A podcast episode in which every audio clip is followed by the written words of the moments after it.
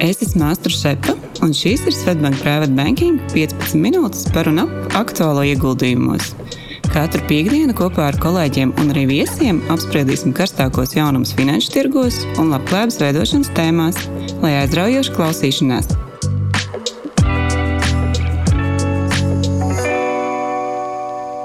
Sveiciens Private Banking klientiem! Un podkāstu klausītājiem. Es šodien podkāstu epizodē esmu kopā ar vecāko privātu banķieru Mēru Janētu. Čau, Mēra! Čau, Asra! Čau, klausītāji! Un šodien mēs ar Mēru vēlamies runāt par, manuprāt, ļoti interesantu tēmu - ieguldījumu veikšanas, tādu iracionālo pusi un dažādiem lēmumu pieņemšanas paradoksiem. Un, lai gan nauda un ieguldījums šķiet tāda nopietna un ļoti racionāla tēma, tomēr bieži mūsu lēmumi šajā jomā nav nemaz tik racionāli, kā mums šķiet, vai vismaz kā mums gribētos. Un ir tāds, manuprāt, ļoti foršs teiciens, emotional tail wags the rational dog, jeb emocionālā asta luncina racionālo suni. Jā, un es tagad arī paturpināšu pavisam nopietni. Un, uh, mūsu ieguldījuma lēmumi un personīgo finanšu stāvoklis vispār ir lielā mērā atkarīgs no mūsu uzvedības. Un, uh, tas, cik stabils tas ir, ir mūsu pieņemto lēmumu un rīcības sekas. Un tam, vai mums piemīt zināšanas finanšu jomā, ir sekundāra nozīme. Svarīgāk ir, kādus lēmumus mēs pieņemam, un vai pēc tiem seko arī rīcība. Un kopumā šo te teoriju sauc par behavioral finances, jeb uzvedības finanses. Tā ir ekonomikas teorija, kas skaidro investoru psiholoģiskos aspektus un to ietekmes finanšu tirgiem. Un, uh, vairāk ekonomisti ir jau attīstījuši šo teoriju, saņēmuši Nobela prēmijas. Pēdējais no tiem ir Ričards Tālers 2017. gadā. Un es pat gatavoties šim podkāstam ļoti ietekmējos no vēl viena Nobela prēmijas laureāta, gan psihologa Daniela Kanemana, kurš šo prēmiju par šo pašu jomu saņēma jau 2002. gadā. Un viņam ir fantastiska grāmata, manuprāt, kur būtu jāizlasa katram no mums, kam interesē lēmumu pieņemšanas procesi un investīcijas, kas saucās Domā ātri, domā lēnām. Diezgan bieza grāmata, jāsaka. Jā, ātri viņu izlasīt nevar, bet ļoti vērtīgi. Un šajā grāmatā Kanemans skaidri parāda, ka, lai par cik racionālām būtnēm mēs sev neuzskatītu. Patiesībā mūs ietekmē emocionālā puse, virkni dažādu aizspriedumu, arī ārēji apstākļi un pat bioloģiski un fizioloģiski faktori. Un tā Kanemana pamatēze ir tāda, ka cilvēka domāšana pārvalda divas sistēmas, pirmā un otrā. Pirmā, es teiktu, ir tās tā kā autopilots, kas ikdienā mums palīdz funkcionēt un pieņemt milzīgu apjomu dažādu relatīvi vienkāršu lēmumu un darīt tādas automātiskas lietas, kā arī ēst, dzert, braukt pie stūra, ja jūs jau to labi esat apguvuši. Savukārt otrā sistēma tiek ieslēgta situācijās, kad ir, jā, kad ir sarežģītākas situācijas, jāpieņem kādi sarežģītāki lēmumi. Un paralēli tajā otrās sistēmas darbībai ir grūti domāt par ko citu. Ja ņemam tādus piemērus, tad viens lielisks piemērs ir braucot pie stūra dienas laikā pa taisnu ceļu. Visticamāk, jūs varat diezgan brīvi sarunāties ar savu blakus sēdētāju. Bet brīdī, kad jūs sāksiet apdzīt, visticamāk, jūs un visticamāk arī jūs blakus sēdētājs apklusīsiet uz to brīdi, jo jūs paralēli tās divas lietas nevarat darīt. Un, jo labāk jūs apgūstat kādu uzdevumu, jo mazāk enerģijas tā veikšanai nepieciešams, un tas notiek gandrīz automātiski, un arī un tad jau darbojās jā, tā pirmā sistēma. Un arī tāds lielisks piemērs, kas bija grāmatā, par ko es arī aizdomājos, bet teicu, ka visticamāk, ka vecāki ap, ap, atcerēsies situācijas, un vai saprot, ka jūs savam bērnam varat lasīt vakara pasaciņu, paralēli domājot kaut ko citu, un izjust arī zinām vainas apziņu par to. Tad šis arī ir situācija, kur principā darbojas tā pirmā sistēma. Un, kā jau es teicu, tā pirmā sistēma ir absolūti nepieciešama, lai cilvēki varētu funkcionēt. Un, um, Pieņemt to lielo lēmumu apjomu, bet tai ir arī gana daudz mīnusi un arī uh, trūkumu, un arī veidojas daudz šie saucamie aizspriedumi. Tāpēc tādos īpaši svarīgākos lēmumos ir ļoti svarīgi piedomāt īpaši un ieslēgties ar šī otro sistēmu. Un, uh, pirmā sistēma ir arī biežāk tad, kad mēs esam labā garstāvoklī, tāpēc arī Kanemans saka, ka uh, droši vien jābūt īpaši uzmanīgiem, pieņemot sarežģītākus vai svarīgākus lēmumus labā omā, jo labā omā mēs vairāk izmantojam intuīciju un esam radošāki, bet esam arī mazāk uzmanīgi un pieļaujam vairāk loģikas kļūdu. Droši vien to var arī attiecināt uz izsaukumu. Tad esam īgni un varbūt pat pārāk kritiski un aizskaitināmi tas mūsu spriestspēju un lēmumu pieņemšanu noteikti ietekmē. Bet zin, savā ziņā Kanemans saka, pat, ka labā ziņā ietekmē, jo, ja mēs esam īgnāki, mēs kritiskāk izvērtējam dažādas lietas un iespējams pieņemam labākus vai izsvērtākus lēmumus. Un kas ļoti interesanti arī tur pētījumā pierādīja, ka tikpat tik vienkārša lieta kā pieeja barjeras saraukšana mūsos automātiski iedarbina kritisko domāšanu. Nu, ja mēs redzam kādu, kas ir saraucis pieredzi, tas nozīmē, ka viņš nodarbojas ar domāšanu. Nu, diezgan ticami, jā. Un runājot par šīm sistēmām, tad, jā, tad enerģijas taupīšana, jeb šī sistēma viens, ko vai ko citi dažreiz arī sauc to enerģijas taupīšanu, pa slinkumu ir ļoti dziļi iebūvēta cilvēku uzbūvē. Un balstoties uz šo arī viens šis Kanamana pēt, grāmatas pētījums jau par akciju tirgiem, tad tur ir secināts, ka pirmajā nedēļā pēc IPO uzņēmumi ar viegli izrunājumiem uz nosaukumiem uzrāda labāku sniegumu nekā tie, kam ir sarežģītāk izrunājuma nosaukumi. Un laika gaitā gan šī atšķirība pazūd. Bet vēl viens pētījums par akcijām ar vieglāk izrunājumiem, tirzniecības simboliem, jeb tikariem, arī šajā gadījumā labāk sniegumu uzrāda vieglāk izrunājumie tikari, un šī atšķirība saglabājās arī ilgtermiņā. Kā piemēram, Facebook nomainīja gan savu nosaukumu, gan arī tikari no diviem burtiem FB uz vieglāk iegaumējumu meta. Un vērtība pieaug pēc tam, vai ne? Nu, jāsaka, tas bija 22. gada jūnijā, un akciju cenai tas tajā brīdī neko daudz nepalīdzēja, bet, jo tajā brīdī bija tā tāds kopumā lejupējošs tendence. Bet nu, vēlāk, kā redzam, tas izrādījās arī tāds veiksmes stāsts metis. Tā kā bet, nezinām, vai tas bija tieši veiksmes pamatā, bet gan jau ka paļā un nenāk. Kaut kāds procents noteikti tur bija.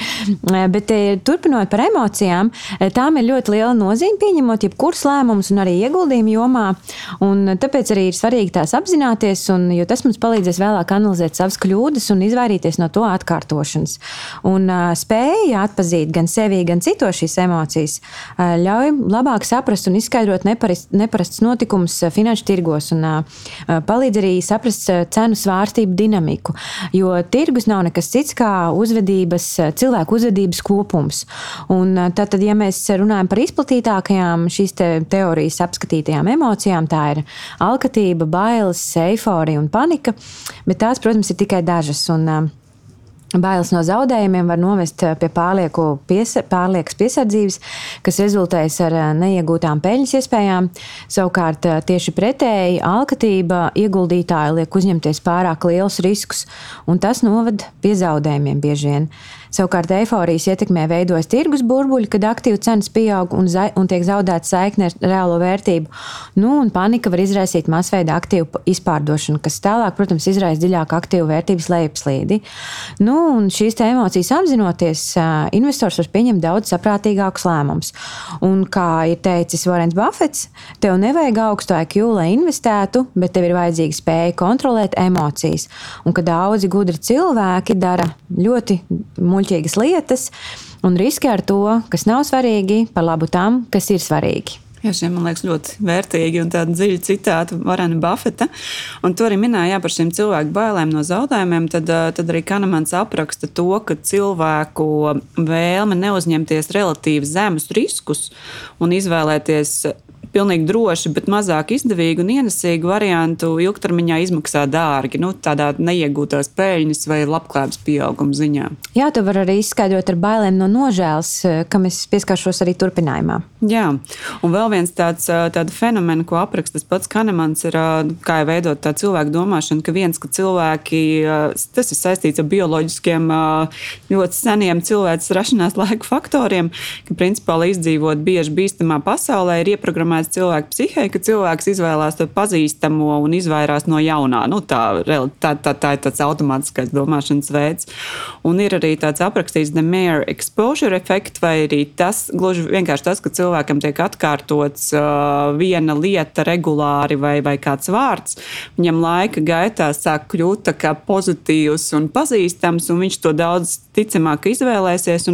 Attiecīgi, diezgan droši arī var teikt, ka tie uzņēmumi, kas visbiežāk tiek pieminēti ziņu virsrakstos, nu, cerams, pozitīvā gaisotnē arī piesaistīs lielāku investoru uzmanību. Tā, tā ir vien, viens, viens efekts, kas arī jāņem vērā, un otrs arī, ko Kanamans raksta, ir par tādu psiholoģisko noslēdz vai predispozīciju fokusēties uz negatīvajām ziņām, jo cilvēks atmiņā daudz vieglāk var atsaukt tādus viegli pieejamus notikumus, kas parasti būs vai nu tad personīgā pieredze, kas ir gūta, vai otra lieta ir arī tādas notikumi, kas ir bijuši arī daudzās ziņās un izraicījuši spilgtu emocionālu reakciju. Un šajā kategorijā ļoti viegli iekrīt tādi dramatiskie notikumi, kā piemēram avio katastrofas. Par spīti tam, ka pat ja notiek kāda nelaime, teiksim, avio jomā, tas risks braucot ar automašīnu, jebkurā gadījumā saglabājās ievērojami, ievērojami lielāks nekā braucot ar lidmašīnu. Bet, jebkurā gadījumā, nu, tā cilvēku domāšanas veids ir pievērst šim pārāk lielu uzmanību. Man liekas, tas ļoti spilgts notikums, ko droši vien visi pamanījāt ziņu virsrakstos, bija Boeing, Alaska Airlines Boeing lidmašīnai izkritušās durvis. Kā rezultātā, nu, droši vien, ka lielā mērā pateicoties šim notikumam, Boeing akciju cena nokrita par 10%, kas droši vien tā racionāli skatoties noteikti bija par daudz, bet nu, tā, tā cilvēka daba ir un iespējams, ka arī investori kaut vai to apzināties uz to reaģē. Nu, man šķiet, ka šis gadījums ir tāds ļoti labs mācību piemērs īpaši tiem, kuriem ir Boeing akcijas portfelī. Nu, pavērot, kāda bija viņa paša reakcija. Vai viņi steidzās šīs akcijas arī pārdot pūļu ietekmē, vai tomēr viņi izmanto izdevību piepirkt klāt lētāk. Mm. Nu jā, man liekas, tas viens secinājums skaidrs, ka tā pasaule, kas ir mūsu galvās, nevienmēr ir precīzi tās realitātes replika. Jā, un es uh, gribu vēl arī pievērsties pūļu instinktam, jeb bara efektam. Uh, pūļu instinkts izpaužas arī daudzās citās dzīves jomās, ne tikai ieguldot, uh, kā vienkārši sadzīves piemērs par apģērbu izvēli, arī mums ir ļoti plašs zīmola piedāvājums. Varam novērot noteiktās sociālajās grupās vienu un tā pašu zīmola apģērbu, un jo vairāk mēs to pamanām, jo vairāk nostiprinās mūsu pārliecība, ka tas ir labs pirkums. Un tāpat arī finanšu tirgos pūļu instinkts mums liek sekot citu izdarītajām izvēlēm un pašai pašiem neveikt šo racionālo analīzi, mēs tādā veidā paļaujamies uz citu lēmumiem. Un eh, to sauc arī par uh, bandwagon efektu, ja tas ir tāds psiholoģisks fenomens, kad mēs darām to pašu, ko citi, neatkarīgi no tā, kādi ir mūsu personīgie uzskati. Un viens no iemesliem šim ir eh, mūsu vēlme iekļauties un saņemt atzinību noteiktā sociālā grupā, vai otra, otrs iemesls ir, ka mūsu prāts veido īsceļu, lai neveiktu savu analīzi un izpēti, mēs paļaujamies uz grupas spriedumiem. Nu, principā, ejot pret pūli, būtu iespēja vairāk nopelnīt. Nu, zini, tas nenozīmē šis pūļu instinkts, eh, ka tas viennozīmīgi ir slikti, eh, jo ekonomiski tas arī ir pamatoti. Mēs ietaupām daudz laika un eh, uz izpēti. Saulēcīgi, kaut gan neatpazīstot šo fenomenu, tas var arī novest pie pārmērīga patēriņa un burbuļa attiecīgajā tirgus segmentā, kā piemēram tas notika 2007. gadā, kad mēs piedzīvojam šo milzīgo nekustamā īpašuma burbuli. Nu, un vēl arī pūļu instinktam ir tāda raksturīga emocija kā bailes no nožēlas, ko iepriekš jau pieminējām. Um, tās ir bailes, ka pieņemtais lēmums izrādīsies nepareizs un vēlāk tu to nožēlosi.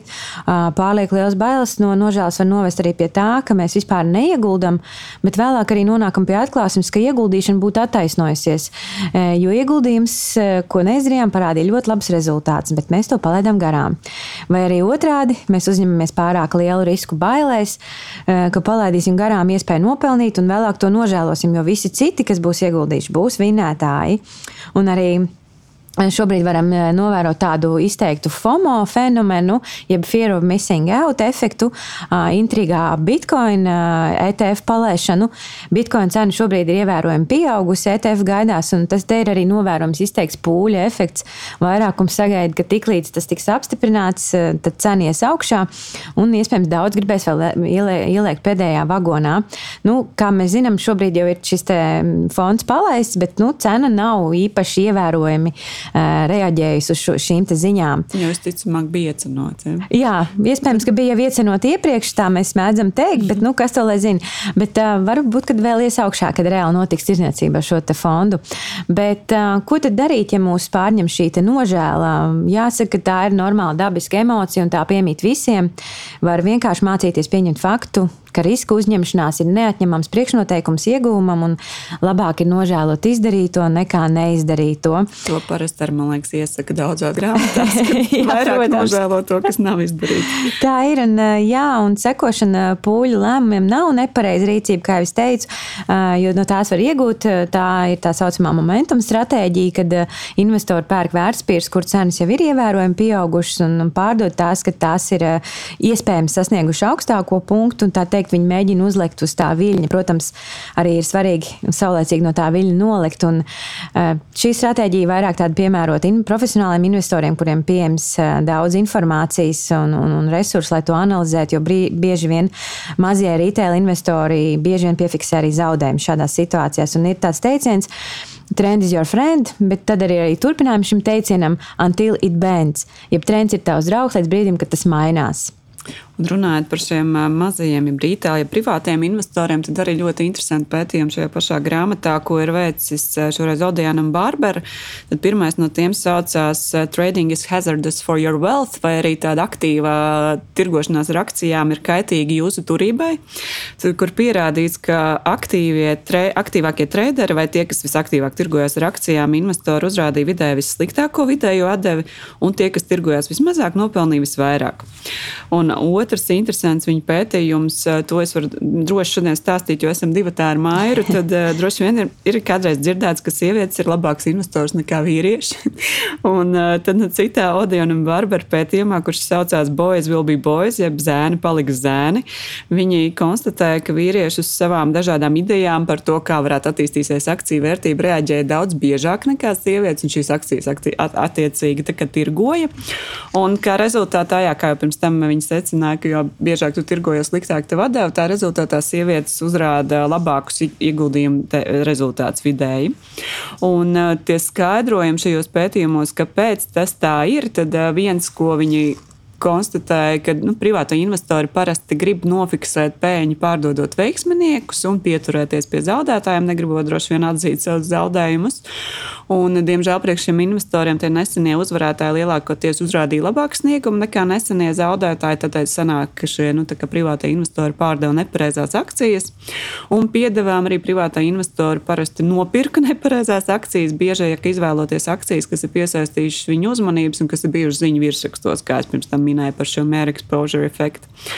Un, protams, jā, kā Maija arī teica, šo privāto investoru darījumu otrā pusē vienmēr ir kāds, kas arī nopelna. Un, kā Kanamans saka, tās parasti ir uh, finanšu iestādes un profesionāli investori, tā saucamie smart money, kas uh, tā skaitā selektīvāk izvērtē ziņas un izmanto tās privāto investoru kļūdas.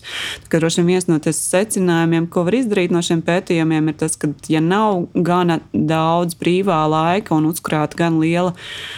kompetence, tad, lai, nu, lai racionāli pētītu šīs akcijas, tad drošāk izvēlēt droši vien regulāri ilgtermiņā ieguldījumu diversificētos fondos, nevis tā ļoti aktīva spekulācija ar individuālām akcijām ar gan lielu daļu no savu portfeļu. Jā, un ap citu, ja kādam vēl vairāk interesē šī tēma, tad pagājušo gadu ir iznākusi mākslas filma Dumb Money. Tajā ir attēlot notikumu ap GameStop sāgu, kas ir izcinājis 21. gada sākumā. Un tā stāsta par to, kā mazie investori apvienojās platformā Reddit un sāka tirgoties ar GameStop akciju, uzzinot tās cenu augšā, un, un tas radīja zaudējumus lieliem investoriem, kas šortoja, eh, spēlēja uz akcijas cenas kritumu. Un eh, šī, šis stāsts arī tiek salīdzināts ar stāstu no Bībeles Dāvids pret Goliātu. Nu, man gan nav izdevies to noskatīties. Ja esat redzējuši, ierakstiet komentārā pie šīs epizodes, kā jums patika šī filma. Tā kā nevienmēr smartvanī uzvar tas, kā, tu, kā, kā šī filma saucās, Dama manī.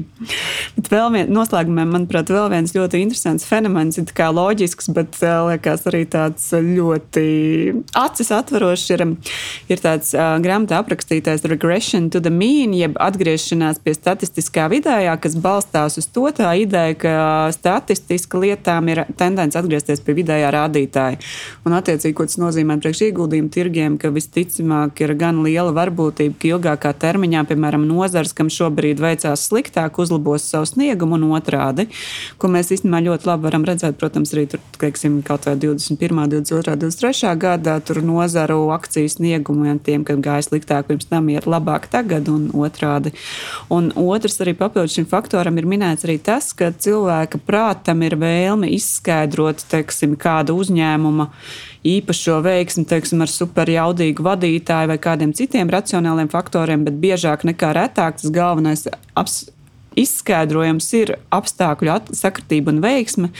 Un arī, ka pat ticams, ka ilgtermiņā šis konkrētais uzņēmums vai vadītājs pietuvosies tam vidējam, teiksim, nozares sniegumam. Nu jā, un šo var arī attiecināt uh, uz fondu un pārvaldnieku, portfeļu pārvaldnieku rezultātiem. Uh, cilvēki bieži vien kļūdaini izvēlas pārvaldnieku pēc to vēsturiskiem rezultātiem. Uh, visticamāk, viņiem paveicās kādos noteiktos periodos apstākļu sakritības dēļ, un um, turpmākie rezultāti atgriezīsies pie vidējās tirgus atdeves. Un, nu, mēs nevienmēr zinām, kas tad reāli pārvalda šos portfeļus, un varbūt tas ir kāda viena cilvēka efekts, un iespējams tas, tas cilvēks jau vairs šajā organizācijā nestrādā. Un te atkal baisas parādās, ka visticamāk nav viena cilvēka efekts. Tomēr nu, arī mums pašām no, ie, iezogās aizspriedumu katru dienu, daudz dažādi noteikti. Bet jā, tā, tad noslēgumā, ko gribu noteikti teikt, kad ir absolūti normāli, ka ir emocijas un dažādi citi blakus faktori, kas ir eh, svarīgi lēmumu pieņemšanā. Svarīgākais droši vien ir, eh, lai izvairītos no lēmumu kļūdām tādos svarīgākos lēmumos, ir šos savus īstais un lēmumu pieņemšanas veidus apzināties, pēc iespējas piedomāt, apzināties, varbūt, ja ir kāds brīdis, kad ir jāpieņem kāds svarīgs lēmums, īpašāk nokoncentrēties. Un jau tas vien, ka mēs apzināmies, palielina tās iespējas, ka mēs veicam labākus un izdevīgākus ieguldījumu lēmumus.